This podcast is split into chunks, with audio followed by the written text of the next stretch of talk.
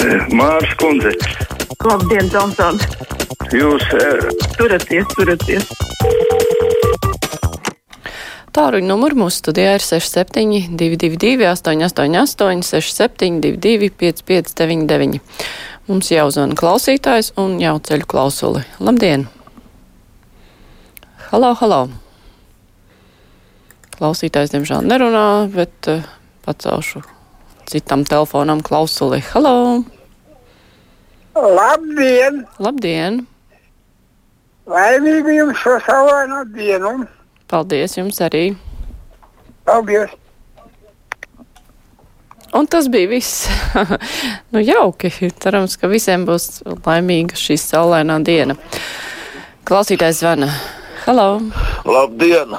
Attiecībā par mūsu mēdījiem. Nu, man te neļāva līdz galam pateikt par aizliegto paņēmienu, neturpināšu, bet ziniet, ir tas pa TV24 raidījums par karu ar Ukrainu, kur līdz šim slaidiņš uzstājās. Tagad tur ir cita dāma viņa vietā, bet pirms pāris nedēļām bija tāds gadījums, kad Bogustovs izteicās, ka viņam ir jau prieks, ka tie krievu tankisti no sašautā tanka pagūda aizskriet prom dzīvi. Un tāds slaidiņš izteicās, no tas bija krievu tanks, ne Ukraiņa. Jā, bet vienalga žēl. Kā tā dzīvība ir svarīga un interesanti, ka vēlāk tas pats Bogustovs visādi izgrozījās, teica, viņš tur nesapratis, par ko ir runa. Viņš ir lasījis troļu vēstules un tāpēc tā izteicies, bet viņam patiesībā to orku nesot žēl, lai gan ierakstā labi redzams, ka viņš skaidri saprata, par ko ir runa. Viņš skaidri bija izteicies, ka orku viņam ir žēl. Nu, lūk, tagad mēs uztraucamies, ka tur Krievijas propaganda kaut ko runā, ka mūsu pašu žurnālisti ir Krievu pusē. Tāda ir diemžēl tā reālā situācija. Es domāju, nu, pacifismam tādā izpausmē, kas tur tiek izskanēts, nu, galīgi nav vietas mūsu pašreizējā situācijā. Mums ir jāžēlo orku upuri, nevis paši orķi. Un jau, ka žurnālisti to nesaprot un pēc tam grievi izvairās un iedzīs savu vainu. Paldies! Nu, jā, paldies par komentāru. Es gan varu teikt, ka darbs tiešajā ēterā ir pietiekoši sarežģīts, tīpaši, ja vēl ir ne tikai kāds jāklausās, bet arī jālasa vēstules un jādomā trīs soļus uz priekšu. Aizstāvot kolēģi, varu teikt, ka mierīgi var būt, ka viņš tajā brīdī īsti neustvēra, par ko, nu, par kuras armijas tanku ir runa. Bet es to neredzēju, tāpēc arī, protams, īpaši nevar izteikties. Klausītāja dzinta raksta, labdien, esmu no Liepājas. Vēlējos samainīt mazu summu, skaidrs naudas ASV dolāru uz eiro. Izrādās, ka bankas vairs nemaina un nevarēja atrast arī nevienu maiņas punktu. Zvanīja uz Latvijas banku, man atbildēja, ka to tagad darot tikai valūtas maiņas punkti. Liepājā tādus neatrodu. Ko darīt, lai samainītu 70 dolārus jābrauc uz Rīgu? Kāpēc viss tiek darīts, lai cilvēkiem sarežģītu dzīvi? Jā, nu, ja kādam klausītājam ir padoms uh, dzintrai, tad uh, rakstiet, jo es varu iedomāties, jā, viena lieta ir, ja vajadzētu dabūt kādas cits valsts valūtu, tad tai valstī, tad var arī braukt un ņemt bankomātos tur uz vietas, ja tāds ceļojums, bet ja tā nauda ir gadījusies šeit, tad sanāk, ka neko ar to nevar izdarīt. Celšu klausuli. Labdien! Labdien! Esat ēterā? Sekojošs jautājums, kāpēc saima neņem vērā praksi, dzīvē praksi? Jo, pie, ja pieņems šo te par valsts valodu divi, divi gadi, bet krievu cilvēks taču nevar iemācīties par 32 gadi. Varbūt, ka tur jāveic kaut kādas korekcijas, 30, 40 gadus dot vēl viņiem. Sapratu, tā bija ironija. Jānis raksta, kopš kura laika labas nodarbināto tiesības ir sliktas. Vakar lasīja, ka darba devēja konfederācija saimā lobē izmaiņas likumā, lai samazinātu virsstundu atlīdzību un arotbiedrība tā jau vajās spējas aizsargāt nodarbinātos. Nu, neviens jau nesaka, ka labas nodarbināto tiesības ir sliktas, bet nu, te mēs skaidri redzam, kā notiek tā cīņa starp darba devējiem un arotbiedrībām. Katrs pa sevi cīnās un katrs mēģina lobēt savas intereses. Celšu klausuli. Halo, esat ēterā. Labdien! Halo! Labdien! Labdien! Uh, jūs apsolījāt, un, un, un arī jūsu kolēģis apsolīja, ka būs raidījums par pensijām. Tuvojās indeksācija oktobrī, un, un nekas nenotiek. Un, un darba stāžu neņem vērā. Un ņem tikai inflāciju 6,4%. Nu, kas tas ir? Tur nabaga pensionārs vispār badā grib nomirdēt. Zālēm neiznāk. Jā, paldies. Šobrīd ir tā muļķīgā situācija, kad valdību maiņas brīdis un īsti nav kam prasīt par tām pensijām.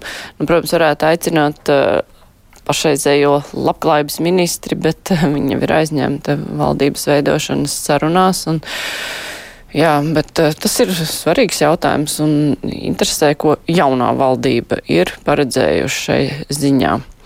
Anna raksta pilnīgi bezjēdzīgs zvans no Daugavpils Aivara, ja nenosauc precīzu datumu, kad tas TV24 ieraksts jāmeklē. Nu, tur nav nedēļas jautājums. Tur jau ir jāmeklē kaut kad interneta arhīvā, droši vien pēc atslēgu vārdiem. Tā Jānis raksta tā, darba devēja saka, ka labas nodarbināto tiesības ir slikts, jo nevarot konkurēt. Drīz jau pie mums būs kā Āfrikā, ka mēneša algas būs 100 eiro un jāstrādā 12 stundas 6 dienas nedēļā. Nu, jā, tur patiesībā tas ir vārds vietā, jo tas, ja mēs konkurējam uz tā rēķina, ka maksā mūsu strādājošiem zemes algas, tad tā nav tā labākā konkurēšana.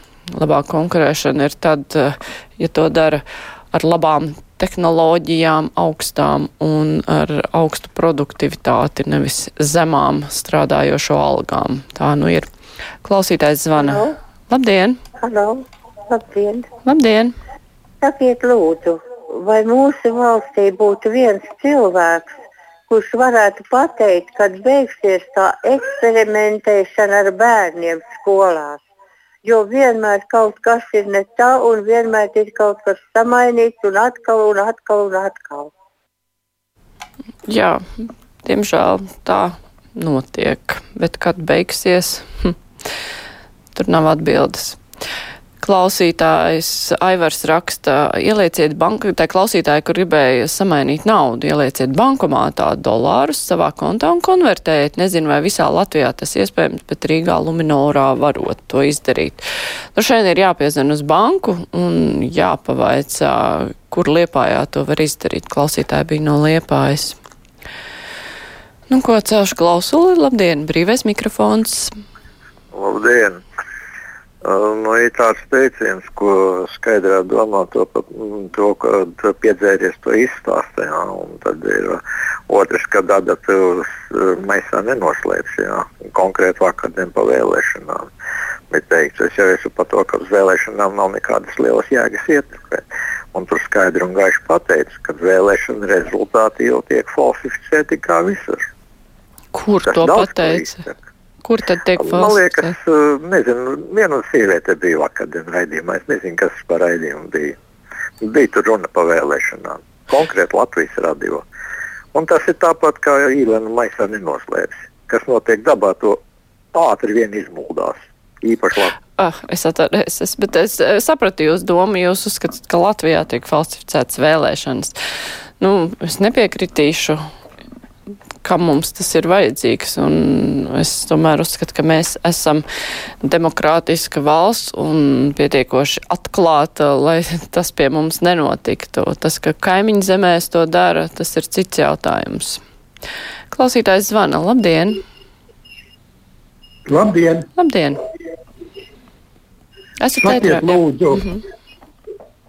es uh, gribētu izteikt savu viedokli par nākošo valdību visu laiku mediji it kā runā, ka Kariņš vainīgs.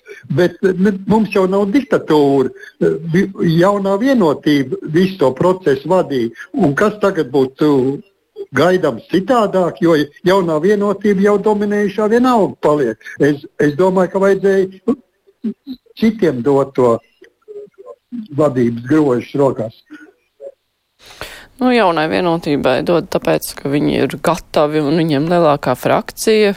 Nu, Tur jau ir tā problēma, ka var jau dot daudziem, bet vai viņi spēs savākt pietiekami balsus. Tagad jau arī nav milzīgi daudz balsu, 52, tas ir vēl mazāk nekā Krišāņa Kariņa valdībai, bet, nu, tas ir vismaz kaut kas.